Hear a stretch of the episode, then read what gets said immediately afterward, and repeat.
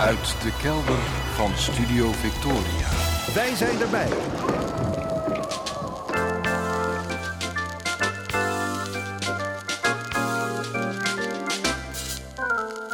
Archief Rijnmond.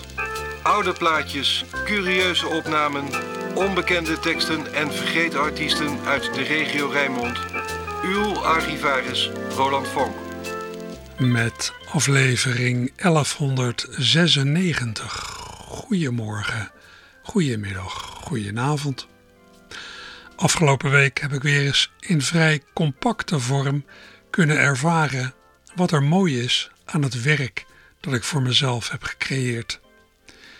Ik weet natuurlijk wel waar ik mee bezig ben met al mijn muzikale naspeuringen en omzwervingen. Maar soms gebeurt er iets waardoor je je in verhevigde mate realiseert wat er zo waardevol aan is. En dat gebeurde van de week aan de telefoon. Nu alweer een tijdje maak ik verhalen voor de site van Rijmond over personen die actief zijn in de wereld van vooral muziek en theater. Die verhalen komen doorgaans op zaterdag op de site. Ik maak ze ergens in de dagen ervoor. De keuze, ja, wie ik daarvoor spreek, is aan mij. Waarbij ik me doorgaans laat leiden door mijn eigen nieuwsgierigheid en soms ook door de behoefte om iemand een beetje te helpen met publiciteit. Beide motivaties maakten dat ik van de week singer-songwriter Dennis Kolen heb opgebeld. Een bijzonder getalenteerde en hardwerkende jongen die al 25 jaar in de popmuziek actief is, die afgelopen voorjaar zijn veertiende soloplaat heeft gemaakt en die binnenkort een avond in Kantine Walhalla staat. Een avond waarvoor hij voor mijn gevoel wel een publicitair kontje kon gebruiken. Ik had hem nooit gesproken, maar van een afstandje bewonder ik al heel lang zijn creativiteit en zijn productiviteit. En ik vraag me al een tijd af of hij voor zijn eigen gevoel wel voldoende nou ja, succes heeft met zijn projecten. Want in het centrum van de belangstelling staat hij niet, ondanks alle lovende recensies voor zijn platen. Twintig jaar geleden stond hij met zijn band Wyatt in het voorprogramma van lui als Kane, Anouk en Golden Earring. Die status, die status van de hoofdprogramma's, heeft hij zelf nooit bereikt. Of zit hij daar ook niet mee? Oprechte belangstelling als uitgangspunt voor een gesprek. Geen slecht begin, lijkt me. Van de week had ik Dennis aan de lijn en, nou, zoals ik hem op afstand kende, bleek hij mij op afstand te kennen. Iets waar ik helemaal niet op had gerekend. Hij vroeg hoe het met me ging. Ja, ik antwoordde dat ik dat altijd een lastig te beantwoorden vraag vind. Dat ik een paar jaar geleden een boekje heb geschreven met als titel precies het antwoord dat ik een tijd op die vraag heb gegeven, namelijk dat moet nog blijken. Ik vind het vaak heel moeilijk om mijn eigen gevoel te peilen. Vaak weet ik pas achteraf of ik in een goede periode zat. Je reageert heel secundair, opperde Dennis. Inderdaad. Hij herkende dat en hij vroeg hoe dat dan te combineren is met mijn werk bij de radio en wat mijn drijfveer is bij dat werk. Waarna we begonnen te praten over hoe we allebei in het leven staan. Zo gaat dat wel vaker als ik mensen uit de muziek of, ja, of uit een andere hoek ontmoet. Het wordt gauw heel persoonlijk, van beide kanten. Je zou denken, jij als interviewer stelt de vragen. Je gaat ze niet beantwoorden. Maar als het even andersom gaat, vind ik het ook best. Ik zie alles als een ontmoeting, niet als een zogenaamd professioneel onderhoud. Ik neem mijn hele persoon mee, zoals ik hoop dat degene die ik spreek ook zijn hele persoon meeneemt. Uiteindelijk moet ik zo'n gesprek natuurlijk netjes uitwerken, zorgen dat er een kop en een staart aan zit, de boel een beetje indikken, mijn eigen opmerkingen terugbrengen tot wat functioneel is. Kortom, maken dat het resultaat aangenaam, begrijpelijk en behapbaar is voor de bezoeker van de site. Maar dat is gewoon een vaardigheid. Je bewustzijn van het bijzondere van de ontmoeting, je ervan bewust zijn Ja, hoe bijzonder het is dat je een heel persoonlijk gesprek voert met iemand met wie je tot voor kort nog nooit een woord had gewisseld. Dat is iets anders. En dat had ik van de week aan de telefoon. Dennis en ik waren al minutenlang aan het praten toen ik opperde om maar eens de eerste echte vraag te gaan stellen voor het te publiceren interview. De eerste vraag in een gesprek tussen ja, wat toen al aanvoelde als nieuwe vrienden. I've come to your front door just to let you know that you're more important than you'll ever know. And that I no longer want to run from fear. That I'm ready to let you near. I guess you could say that life, mm, life let me here. I've been searching for something that I thought I'd want until it started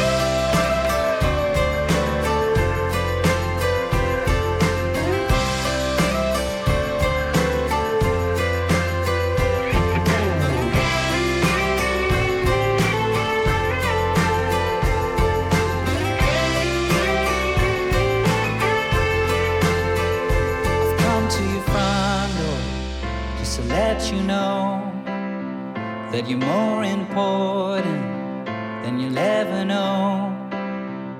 And that I no longer want to run from fear. And that I'm ready to let you near. I guess you could say that life, life let me here.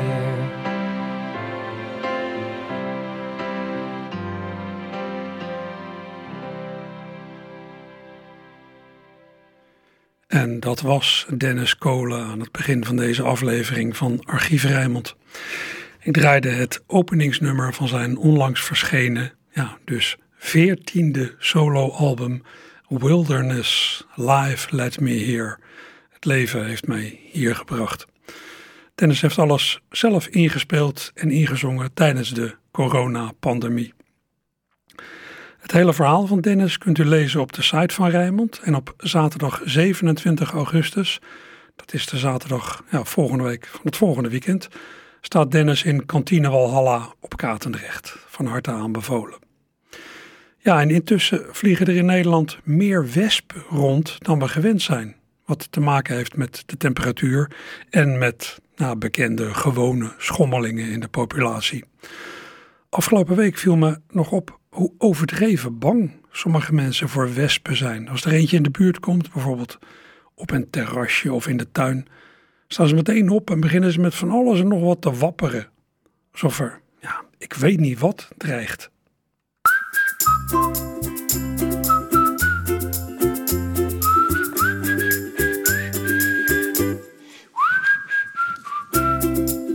Een heerlijk weertje met een stralende zon. Blij dat ik een keertje aan mezelf toe kom. Met een potje bier in een zonnestoel. Geniet ik hier van vakantiegevoel. Maar er zitten wespen op mijn pizzapunt en die hebben het op mij gemunt. Wild spring ik op, maai met armen door de lucht. Met een rode kop sla ik gillend op de vlucht. De wespen zien mij als geschikte landingsplek. Eén prikt in mijn dij en maakt me gek. Ze jagen me uit mijn onderbroek, mijn kalme zelf is volledig zoek.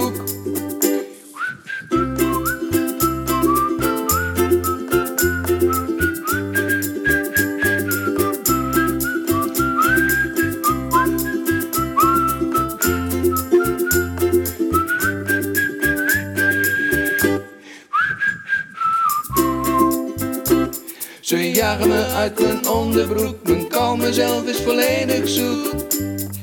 Prik, prik, prik, prik, prik, prik, prik, prik, auw! Kom alsjeblieft en help me gauw. Ze kruipen zelfs stiekem in mijn mouw. Die wespen lusten mij gewoon weg rauw. Na een prik in mijn jonge heer hoef ik geen jodellessen meer.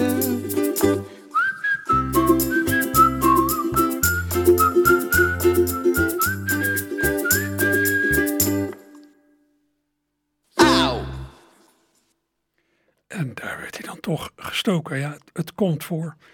Ik ben zelf ook wel eens door, volgens mij door twee wespen in mijn wang gestoken van binnenuit. Dat was heel lang geleden. Stond in de keuken van het ouderlijk huis stond een eh, fles met eh, nog een klein restje cola erin. En ja, zoals ik nou eenmaal ben, denk ik, oh, dat sla ik even achterover. Maar dat stond daar om wespen te lokken. Er zaten er twee in. Ik sla het achterover en ze steken me zo in mijn wang. Eh, de hele buurt heeft het gehoord. Maar eh, hier hoorde u de Rotterdamse liedjesmaker en zanger Martin Rekers over de omgang met de wespen. Beestjes die gemeen kunnen steken, maar dat toch maar zelden doen. Dus mijn ervaring, wat ik net vertelde, is al, nou, pff, 50 jaar geleden of meer. Ja, ik probeer zelf zo min mogelijk te reageren op de aanwezigheid van een wesp. Ze mogen zelfs over mijn gezicht kruipen. Ze gaan hun gang maar. Ja, en dan gaan we naar Mike Baudet, aan wie ik deze zomer bijna wekelijks aandacht besteed na het eind van het tv-programma Podium Witteman en in de aanloop tot de opvolger Podium Klassiek. Dat programma rond klassieke muziek dat na de zomer begint. Podium eh, Klassiek dus. Dat wordt niet meer gepresenteerd door Paul Witteman, die heeft zichzelf met pensioen gestuurd. Maar nu wordt het gepresenteerd door Floris Corti en Diewertje Blok. Mike Baudet blijft de huispianist en componist. In dat vernieuwde programma zal hij vast nu en dan uitleg geven over bepaalde fenomenen in de muziek. Net zoals hij dat heeft gedaan toen Paul Witteman de boel nog presenteerde. Nou, hier heb ik een mooie bijdrage van Mike van 8 december 2019. Eentje ja, waar mensen die zelf geen muziek maken de aandacht misschien iets meer dan gemiddeld bij moeten houden om het te volgen. Maar ook als u het niet helemaal kunt volgen, met allerlei muzikale voorbeelden maakt Mike veel duidelijk.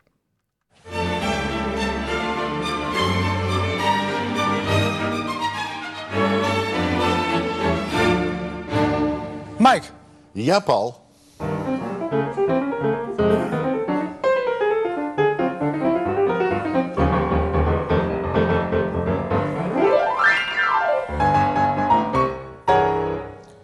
Vraag het Mike.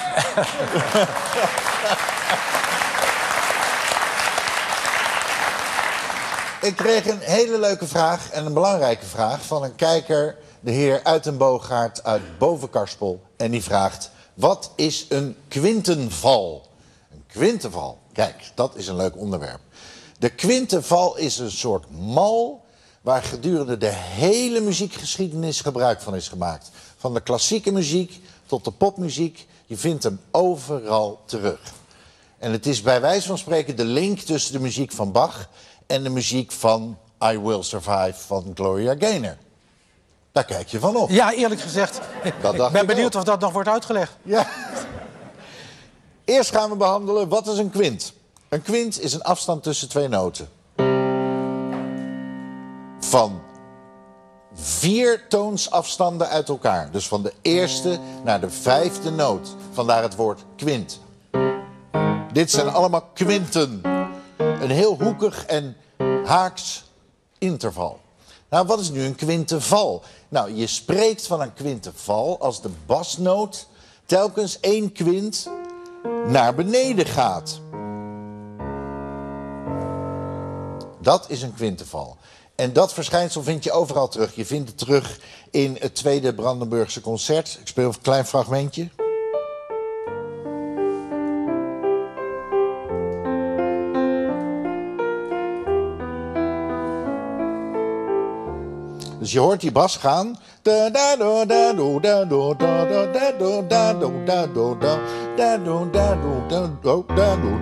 Da da da da da. Een typisch voorbeeld van een kwinteval. Je vindt het bijvoorbeeld ook in Mendelssohn's tweede strijkkwartet. Heel mooi melodietje is dat.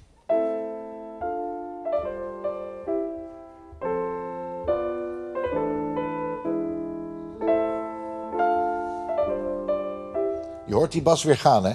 Ta, ta, ta, ta, ta, ta. Keurig telkens een kwintje naar beneden. Nou, je vindt het bijvoorbeeld in de jazzmuziek. Autumn Leaves, een hele beroemde. Luister naar de bas.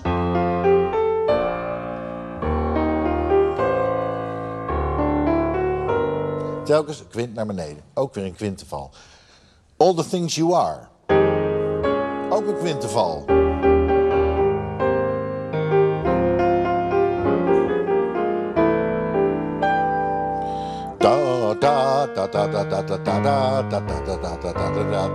Keurig kwinteval. Maar ook in de popmuziek. C'est un beau roman, c'est une belle histoire. Ook weer een kwinteval. Eh, de meeste dromen zijn bedrog. De meeste dromen zijn bedrog. Maar als ik wakker word met jou, dan droom ik nog. Een klein beetje te hoog voor mij. Hij moet In de. Efteling heb je ook een hele mooie, namelijk de muziek van de Fata Morgana. Is ook, er zit ook een hele leuke kwinteval in. Moet je luisteren.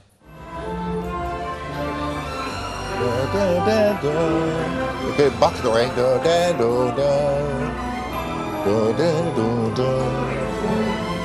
Ook typisch voorbeeld van de kwinteval. Nou, uiteindelijk heb ik nu een kleine parodie gemaakt op de kwinteval in I Will Survive.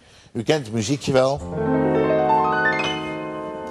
Eerst was ik zo bang, ik was doodsbenauwd. Toen je zei dat jij al jaren niet meer van me houdt. Maar nu zijn relationele crisis wijd en zijd verbreid. Dus ik voel me dan ook desondanks gesterkt door het feit dat ik leef. Ik overleef omdat ik altijd onverstoorbaar op mijn standpunt bleef. En mij nimmer aan jouw feminine grillen overgeef. Ik overleef, ik overleef.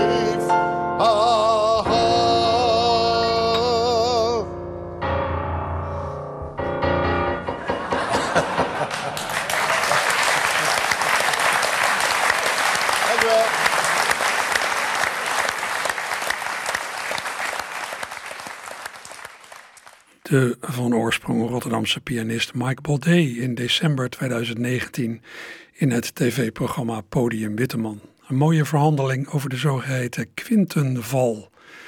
En tijdens dat eh, liedje dat Mike daarover had gemaakt, of daarvan had gemaakt, werd zowaar nog eventjes de geest van Dr. Anders P. over hem vaardig. Zo leek het althans. Ja, van de zomer, eh, nu dus, deze zomer, na het einde van het laatste seizoen Podium Witteman, eh, is Mike voor een maand zuidwaarts gegaan. Hij is in zijn eentje het Portugees-Spaanse pelgrimspad Camino gaan lopen.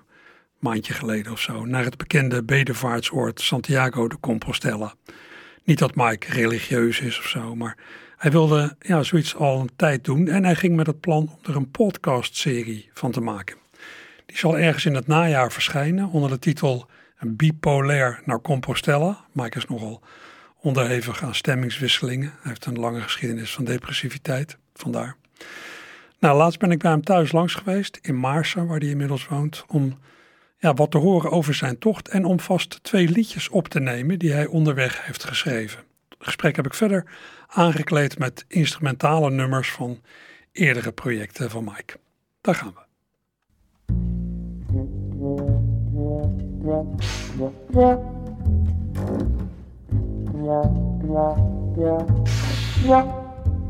Mike Baudet, je hebt een pelgrimstocht ondernomen in Portugal.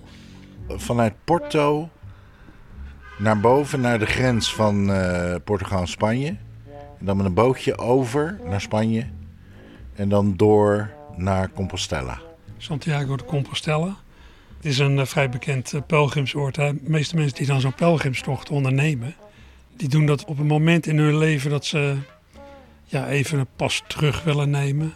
Even de dingen willen overzien. Soms ja, na een persoonlijke crisis of als iets in hun leven is gebeurd. Hoe zat dat bij jou? Ja, ik had eigenlijk uh, vooral prozaïsche redenen om, uh, om het te lopen. Ik hou sowieso van lang lopen. Daar word ik heel blij van. En ik wilde al ooit eens een van die camino's lopen, omdat het een makkelijke manier is om zonder al te veel geld uit te geven een maand lang te lopen. Je, je hebt overal langs die routes heb je goedkope herbergjes waar je voor 12 euro kan slapen. Dan slaap je op een soort slaapzaal met allemaal stapelbedden. Het is echt schoolreisje is het.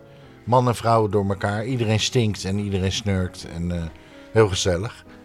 En uh, dan kun je dus voor een prikkie slapen. En dan kun je... Ja, je kunt sowieso voor een prikkie eten. Ook in Spanje en Portugal. Dat is fantastisch.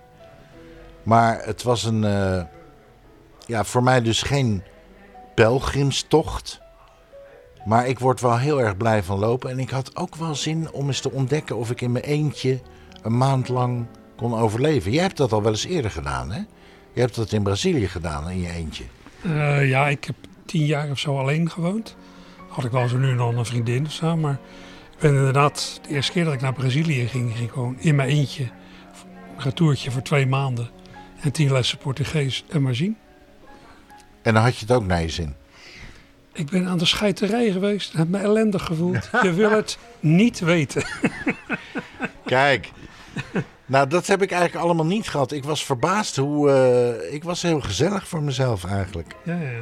En uh, omdat je de hele dag aan het lopen bent... Ja, loop je alle stress en spanning en onzin loop je er allemaal uit. En je overweegt dingen, je komt mensen tegen met bijzondere verhalen. Je krijgt leuke herinneringen aan vroeger. Je maakt nieuwe plannen, je overziet je leven. Het is, het is echt wel heel bijzonder. Het is wel heel leuk om te doen.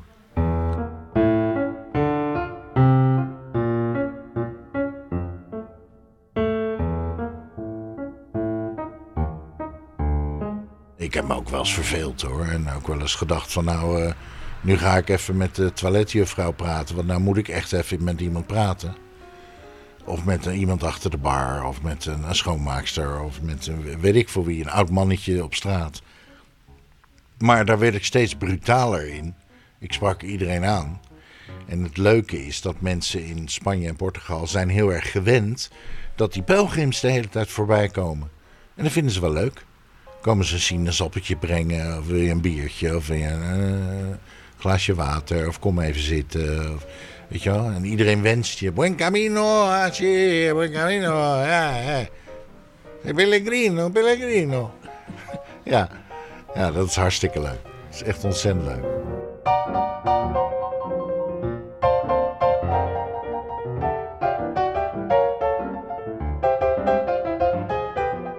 Ik heb wel eens eerder alleen gereisd in Amerika.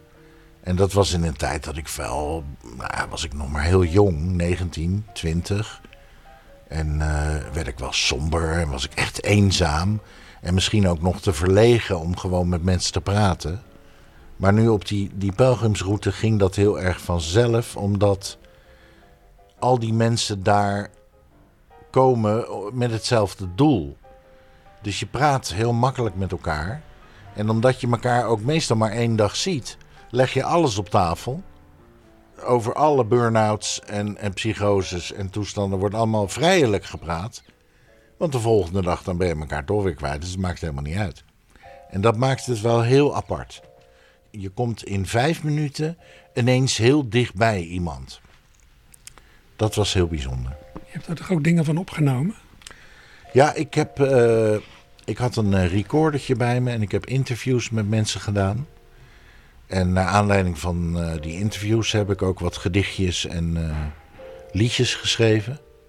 Dus ik had ook een doel. Dat maakt het misschien ook wel makkelijker. Dat je gewoon op mensen afloopt en zegt: van, "W- Vindt u het goed als ik even een paar vragen stel? Nou, sommigen hadden er helemaal geen zin in. Dan zeg ik: Nou, prima, loop weer verder. En daar word je op een gegeven moment heel makkelijk in. Dat, dat geeft je ook wel een doel en een, eh, een soort focus op zo'n eh, zwerftocht, zeg maar. Ik had al heel veel mensen ontmoet en de een die had een, een burn-out en de ander was een partner verloren. En eh, er was er ook nog één die wilde niet bij haar vader zijn, want haar vader die zweeg de hele dag. En ze zorgde al vijf jaar voor de vader en ze werd daar helemaal gek van. Eh, een, een, een, een vluchteling uit Rusland die je tegenkomt. Of een, iemand uit Belarus die eh, achtervolgd wordt door, de, door het regime. En dreigbrieven en dreigtelefoontjes krijgt. En die maar de Camino gaat lopen omdat ze denkt van ja, kunnen ze me misschien niet vinden. En toen kwam ik een mevrouw tegen. En toen zei ik, eh, mag ik vragen waarom loopt u de Camino? En ik verwachtte al een heel heavy verhaal. Toen zei ze, nou, ik zet gewoon heel graag de ene voet voor de andere. Ja, vond ik erg mooi. Vond ik ook heel Fonkiaans op de een of andere manier. Ja. En toen had ik dit eh, gedichtje gemaakt. Je kunt de Camino lopen om je hoofd leeg te maken. Je kunt de Camino lopen om verlicht proberen te raken. Je kunt de Camino lopen om je zorgen te vergeten of omdat je houdt van al dat Spaanse eten. Je kunt de Camino lopen omdat je knettergek bent of omdat je dan even niet op precies diezelfde plek bent. Of omdat je Spanje mooi vindt of je gaat graag moe naar bed. Of gewoon omdat je graag de ene voet voor de andere zet. Misschien omdat je jezelf te vatsig vindt en vet. Of gewoon omdat je graag de ene voet voor de andere zet. Of om willekeurig welk ander interessant facet. Of gewoon omdat je graag, zij het snel of juist heel traag, in een roes of in een vlaag of met heel bewuste tred, de ene voet voor de andere zet. Maar het zou ook makkelijk een liedje kunnen zijn. Ja, dit kan ook wel een liedje worden nog. Ja. Ja. ja. Maar die dingen, schreef je die al lopend of pas s'avonds als je in de herberg was? Ja, dat wisselde een beetje. De, de ene keer had ik onderweg al een coupletje en dan maakte ik het s'avonds af. Eh, dus ik nam wat dingetjes op en dan al lopende, dan, dan ontwikkelt het gedichtje en het liedje zich wel verder. Maar meestal ging ik in de herberg nog even wat dingetjes op zijn plek zetten en even de finesses eh, eh, regelen, weet je wel. Want hoe schrijf je normaliter een liedje? Is daar een soort ja, stramien voor? Bij de beste liedjes ontstaan tekst en muziek het, op hetzelfde moment, vind ik. Bij mij althans. Aan de piano of in je hoofd? Meestal in mijn hoofd, ja. Eh, als je namelijk aan de piano gaat zitten, dan ga je eigenlijk vrij snel alweer hetzelfde doen wat je altijd doet.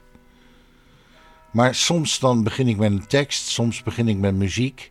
In dit geval begon het meestal met tekst.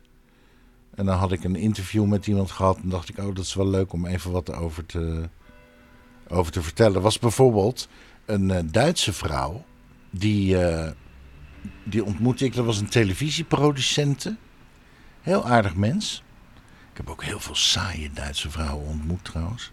Oh, saai. Man. Maar dit was een hele leuke, hele grappige. En die vertelde dat ze de Camino liep eh, voor haar hond. De hond was net overleden. Oké. Ja. En daar was ze zo kapot van dat ze dacht: ik ga de Camino lopen. Ik heb die hond nou toch niet bij me, dus ik kan nou in mijn eentje de hort op. En dan ga ik dat eens eh, goed verwerken. En toen eh, zat ik met haar te praten en dacht ik: God, dat is wel een hele leuke dame dit. En toen keek ik naar de slippers. Toen dacht ik: wat heeft dat mens grote voeten, joh? Enorm. Spectaculair grote voeten. Nou, daar heb ik natuurlijk meteen een liedje over geschreven. Bo bo die bow do, baby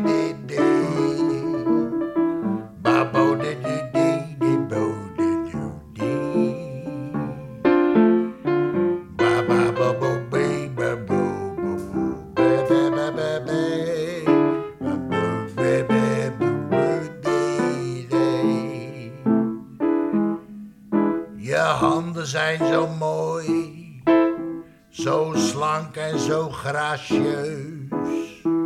En ik kijk ook vaak zo graag naar het puntje van je neus.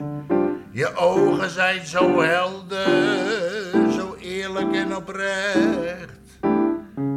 En ik luister ook zo graag naar je stem als je iets zegt. Je borsten en je billen zo sprekend en zo sterk. Je bent zo lief verdiept en ingespannen aan het werk. Je enkels zijn zo sierlijk, ik zie je zo graag bloot. Maar het gaat mij om je voeten, want je voeten zijn te groot.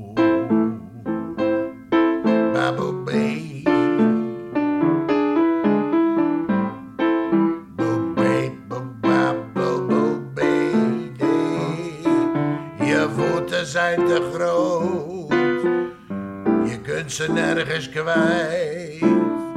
We moeten het erkennen, het is gewoon een feit. Ik weet niet wat ik doen moet, ik ben in. Je bent zo uit verhouding.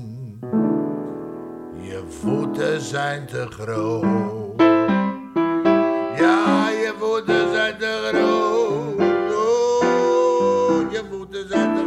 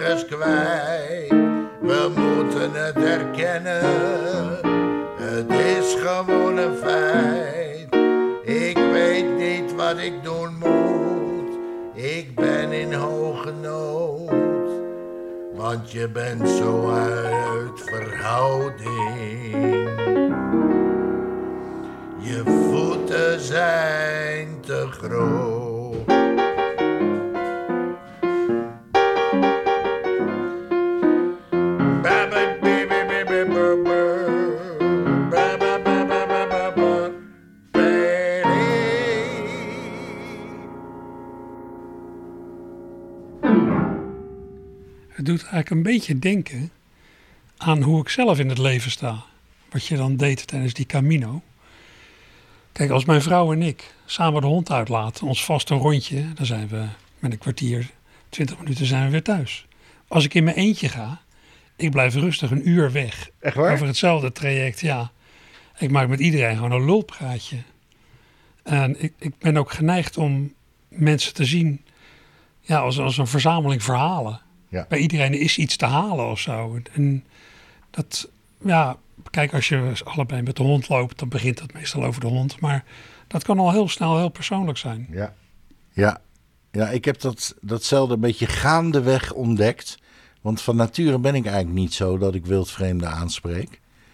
Maar ja, op zo'n route ben je zoveel alleen, dan wil je op een gegeven moment gewoon even een, een kletspraatje maken. Maakt niet eens uit waar het over gaat.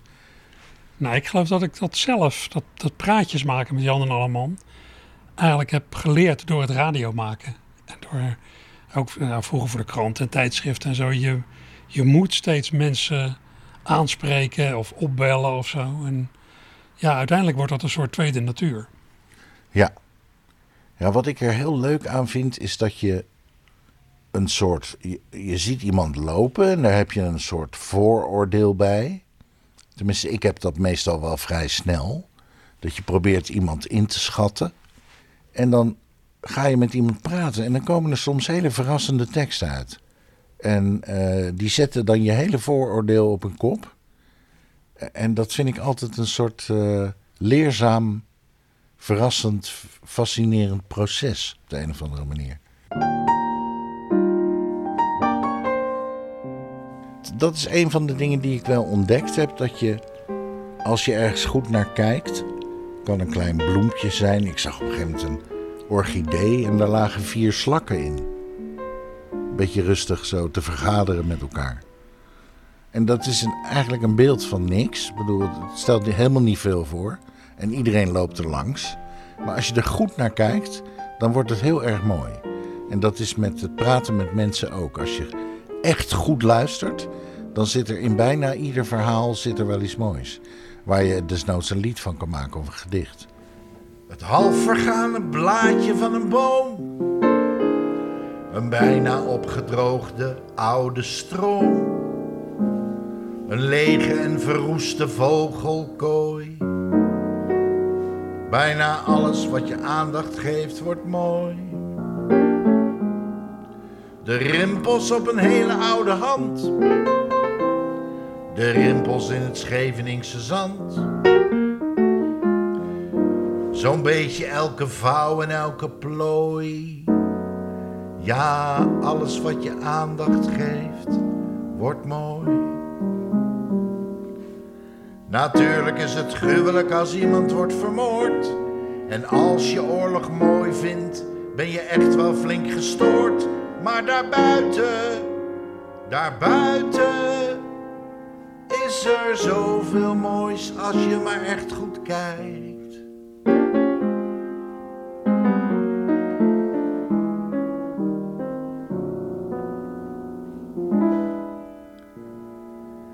Bepaalde vormen van geweld kunnen schoonheid in zich dragen. Dat kun je aan de boksers en de kooivechters gaan vragen. De sloop van een gebouw is soms ineens vreemdsoortig mooi. Al geeft het dan ook zo'n enorme zooi. Een gammel scheepje eenzaam in de haven oude en al scheefgezakte graven. Een griebus van bedenkelijk allooi. Bijna alles wat je aandacht geeft. Alles wat je aandacht geeft. Alles wat je aandacht geeft. Wordt mooi.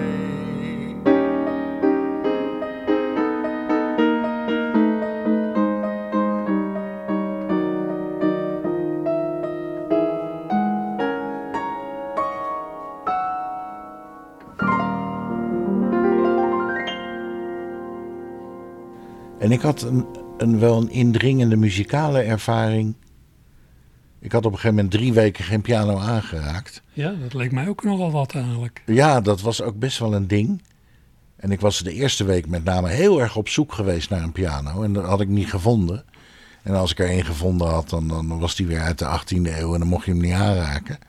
Het, was altijd, het leek wel een soap op een gegeven moment. Ik kon maar geen piano vinden. En toen uh, kwam ik opeens in een Spaans stadje, heel mooi Spaans stadje. Ik geloof dat dat Pontevedra was.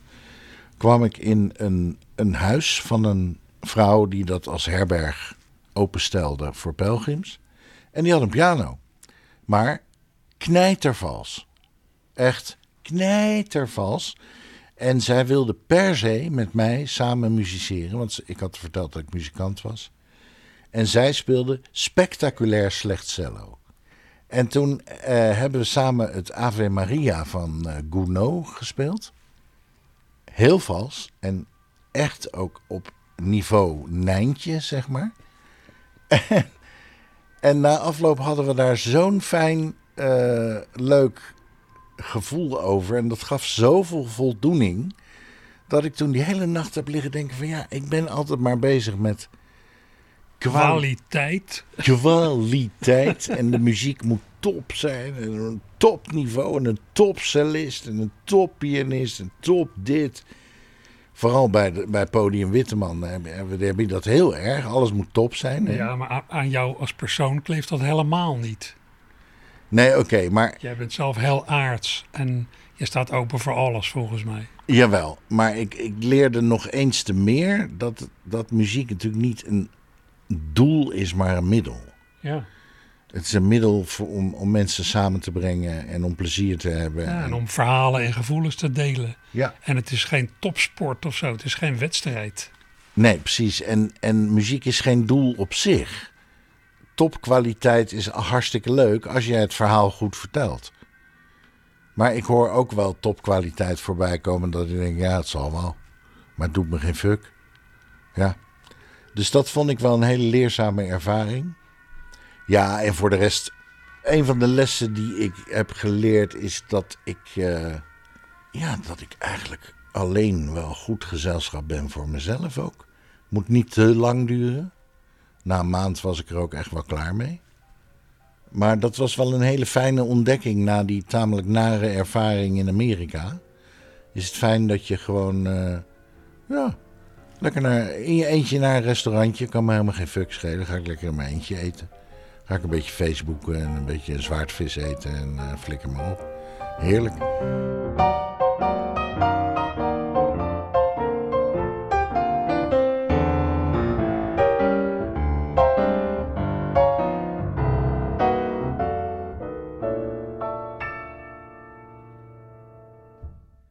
En dat was Mike Baudet over zijn pelgrimstocht van Porto in Portugal naar Santiago de Compostela in Spanje eerder deze zomer.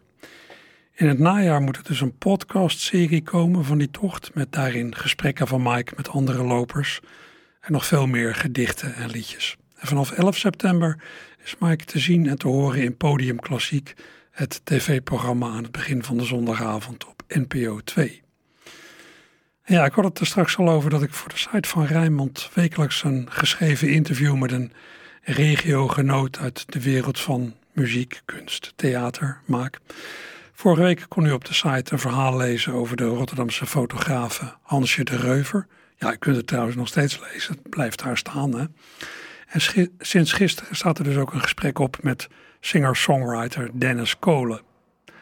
Paar weken geleden had ik in dit kader een onderhoud met Flip Norman, een Rotterdamse zanger, liedjesmaker en performer, die moeilijk in een vakje is te stoppen. Hij maakt nou, eigenzinnige, Nederlandstalige liedjes, waarin het niet per se vrolijk toegaat. De uitvoering is hier en daar ook enigszins ongepolijst.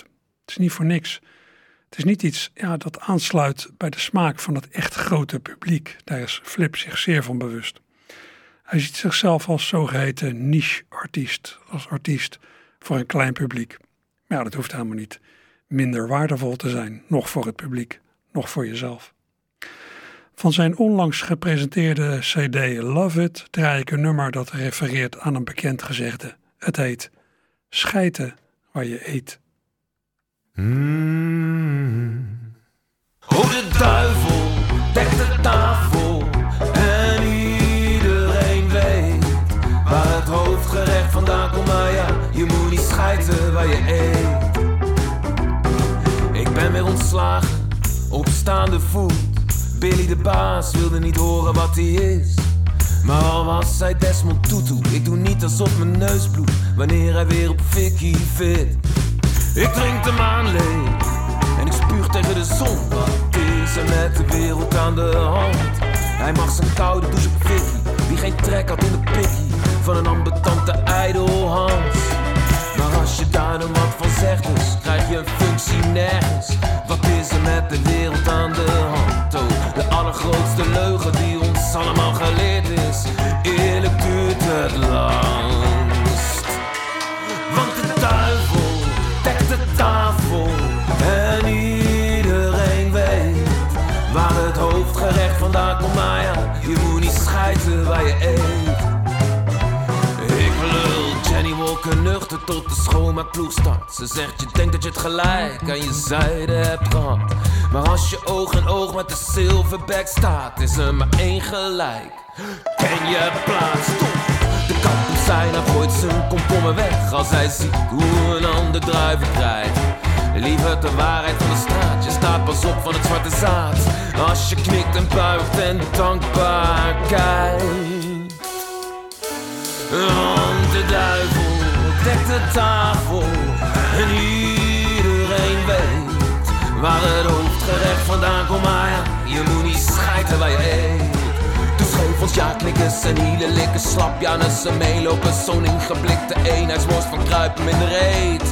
Paladijnen, kudde dieren, jaba's en wegkijkers Want je moet niet schijten, nee je moet niet schijten je eet Come on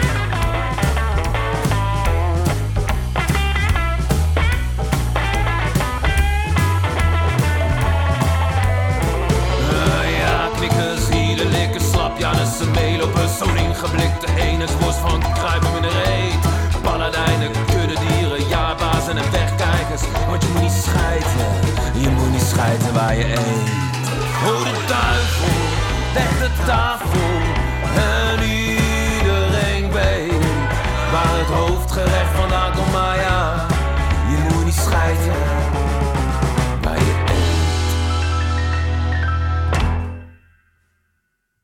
Al dus de Rotterdamse zanger, liedjesmaker en performer Flip Norman op zijn nieuwste CD Love It. Ja, geen doorsnee popzanger, eerder ja, zingende kunstenaar. Wat ook geldt voor Mark Ritsema en Dirk Polak, twee muzikanten die zich samen de Polar Twins noemen. Mark Ritsema, gitarist en frontman van de Rotterdamse band Spasmodiek, die vooral in de jaren 80 furoren heeft gemaakt. En Dirk Polak, kunstenaar, dichter, accordeonist, die sinds de jaren 80 zanger is van de Amsterdamse groep Meccano. Ze hebben samen onder die naam Polar Twins twee LP's gemaakt. De jongste verscheen twee jaar geleden onder de titel Maybe the Moon. Daarvan draai ik het Duitsstalige nummer Im Hohlraum, een nummer over een man zonder eigenschappen.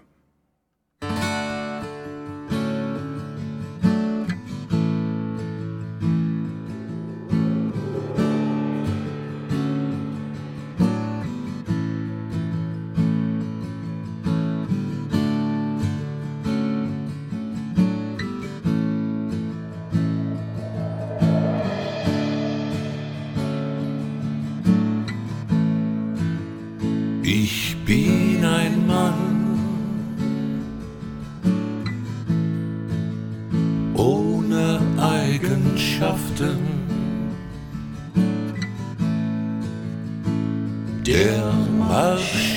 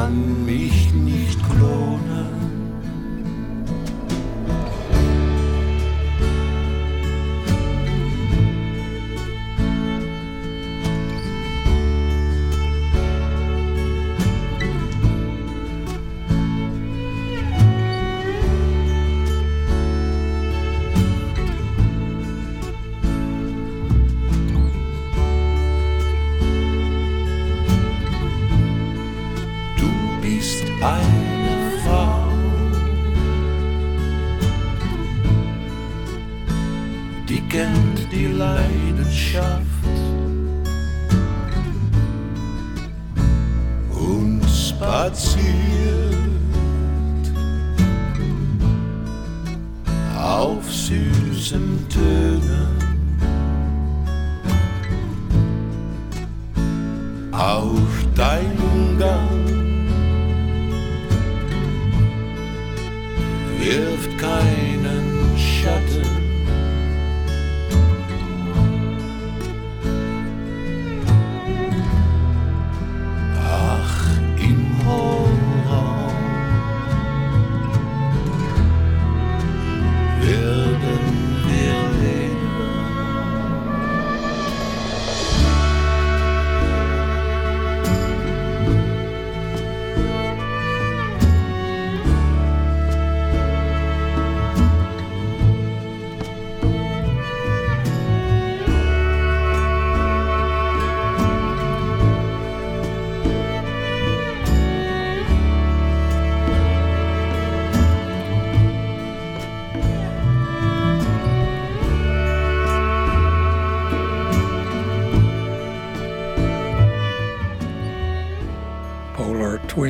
duo van Rotterdammer Mark Ritsma en Amsterdammer Dirk Polak van de LP Maybe the Moon uit 2020.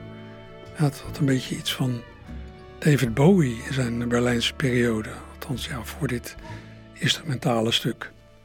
Een uh, stukje verder in het muziekspectrum opereert Peter Vlietstra, die in de jaren 60 bekendheid kreeg als toetsenist van de Rotterdamse band The Free en die daarna naast zijn werk als leraar geschiedenis, actief bleef in de muziek met allerlei groepen. Vorig jaar nog maakte hij een coveralbum met muzikanten met wie hij de boer op wil gaan. Naam van het album How Skype Can You Get? Naam van de band The Midnight Band. En titel van het nummer? Nou, dat herkent u wel hè?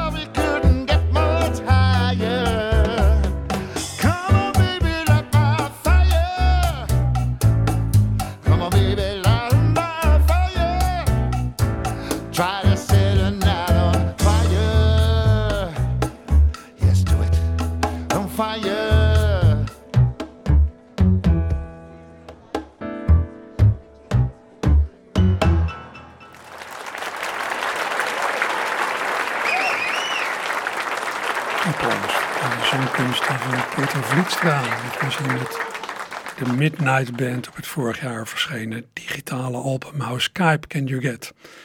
U natuurlijk een eh, cover van de Doors klassieker Light My Fire. Nou, dat was aan het eind van deze aflevering van het archief een rondje min of meer pop uit Rotterdam. Ehm, dit was hem uh, voor vandaag. Zometeen uh, beklim ik de trappen naar het opkamertje en hopelijk gaat u mee.